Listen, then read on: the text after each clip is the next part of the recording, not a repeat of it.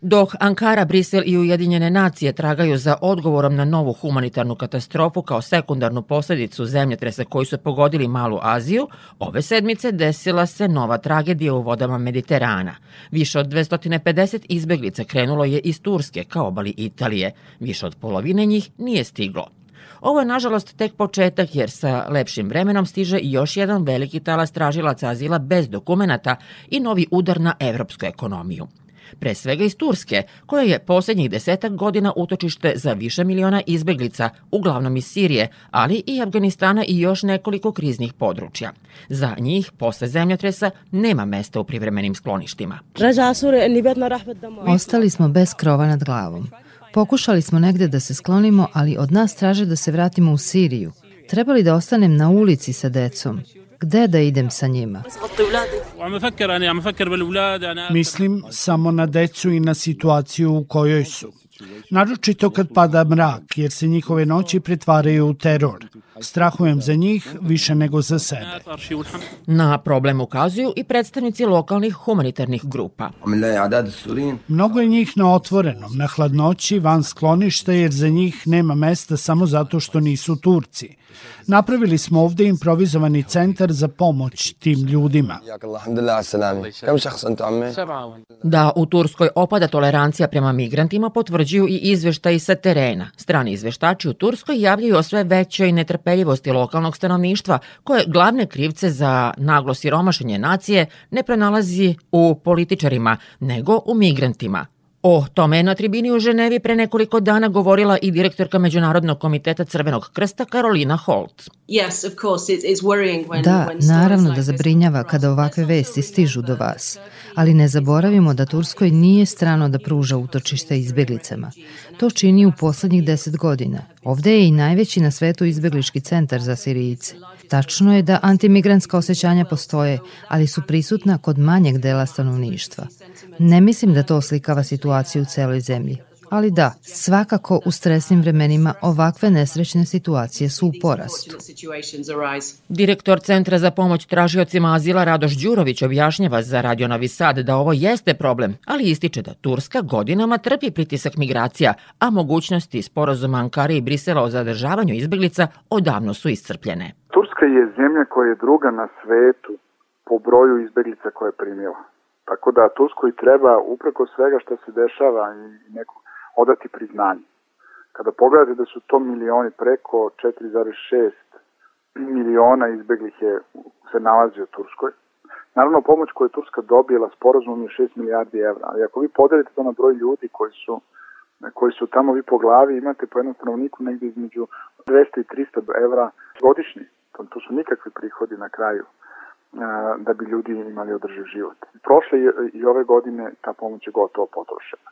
Tako da se očekuje jedan neki novi sporazum, nova pomoć koju bi Evropa morala da obezbedi Tursku. U svetlu zemljotresa posebno, ali u svetlu kažem, prihvata ovolikog broja izbeglica. Naš sagovornik ističe da je posle razornih zemljotresa koji su pogodili to područje, rast migracija ka Evropi očekivan scenario, jer su mnogi ostali bez osnovnih uslova za život. Govorimo o milionima ljudi koji su izmešteni, koji su napustili mesto gde su se prethodno nalazili.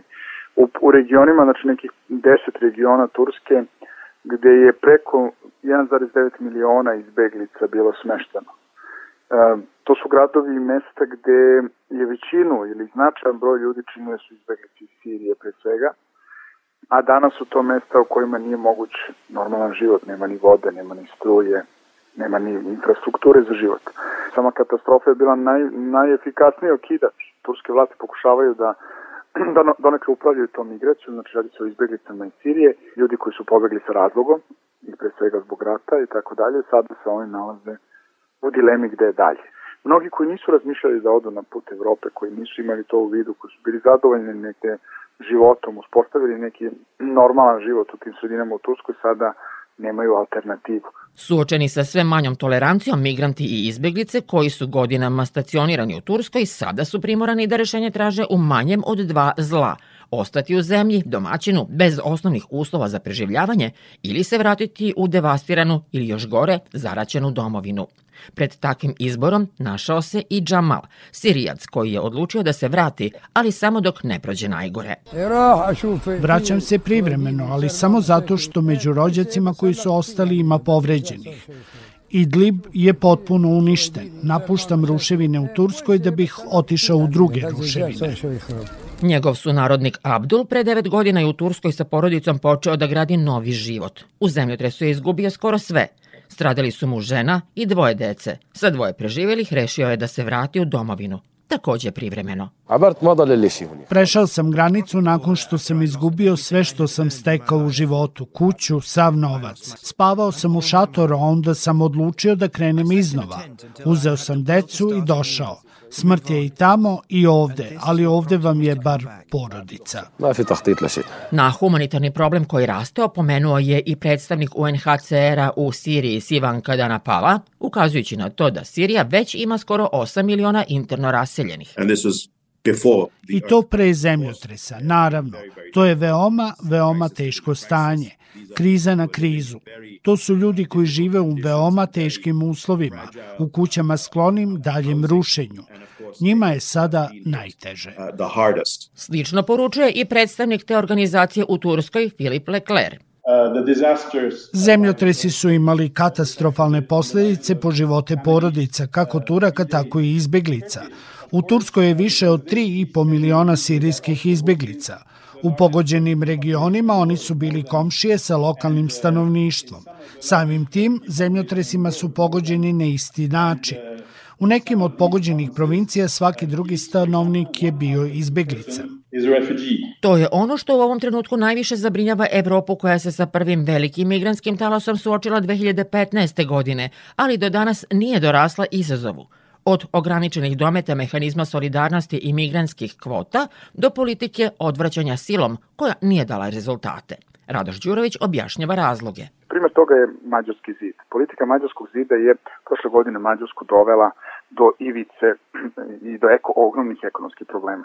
Prošle godine Mađarska ograda, upreko s onome što Orban tvrdi, bila najporoznija spoljna granica Europske unije. Kroz tu granicu je prošlo preko 90.000 ljudi iz pravca Srbije. Uprkos nasilju, uprkos, kroz ta granica je omogućila takva kakva je, da jača krinčarenje u susednoj zemlji koja je Srbija, da se stvaraju ogromni lanci koji su onda omogućili dalje a, prolaz ljudi, ali isto tako i ojačali kriminalne, krim, kriminalnu, da kažem, scenu i u, i u našoj zemlji. Zato se pre svega očekuje da će Evropska unija izdvojiti dodatni novac kojim bi trebalo da spreči da se situacija otrgne kontroli to je pravljenje jednog niza povezanih sudova, odnosno država koje bi trebale na putu ka Evropskoj uniji da preuzmu teret migracije. A da Evropska unija obezbedi pre svega finansijsku podršku. Ja mislim da će se nastaviti s tim paketima, jer to bi bilo suludo da se, da se ne pomogne Turskoj, kažem sada. Posebno je, jer je jer je novac i financije nešto što Evropa u odnosu na ostatak, Evropska unija u odnosu na ostatak svog okruženja ima i prednjači. Mi, Evropa je bogatijan kontinent, Evropska unija je sastavljena od zemalja koje su snažne i ekonomski na drugi način. I ono što Evropljani imaju jeste mogućnost da finansiraju pomoć i prihvat u drugim zemljama, kao što je Turska izbeglica. Ako odustanu od toga, to i svedu se samo na politiku sile i odbijanja fizičkog a, ljudima da uđu u Europsku uniju, to neće dati rezultata. I dok se zvanični Brisel deklarativno protivi ograničavanju slobode kretanja, sa neformalnih pa i nezvaničnih sastanaka zemalja članica stiže drugačija slika. Prošle sedmice sa konferencije u Atini resorni ministri 15 zemalja članica Evropske unije pozvali su ne samo na sklapanje sporazuma sa trećim zemljama o prihvatanju izbeglica, nego i na dalju finansijsku podršku za sve vrste infrastrukture za zaštitu granica.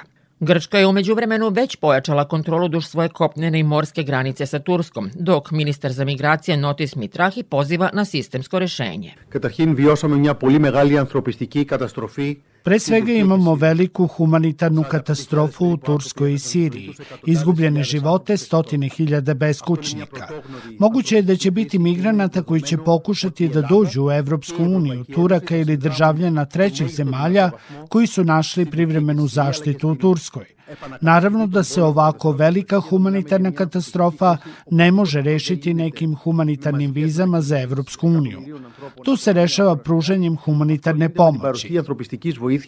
Napominje da Evropa neće otvoriti granice za ljude koji dolaze iz ekonomskih razloga i najavljuje nastavak izgradnje ograde duž grčkog dela kopnjene granice Šengena. O frahtištu Evru se pektasi solo to mikos... Ograda će biti proširena celom dužinom reke Evros kako bismo mogli da zaštitimo evropski kontinent od ilegalnih tokova. Proširenje se finansira našim novcem, ali nadamo se podršci drugih zemalja.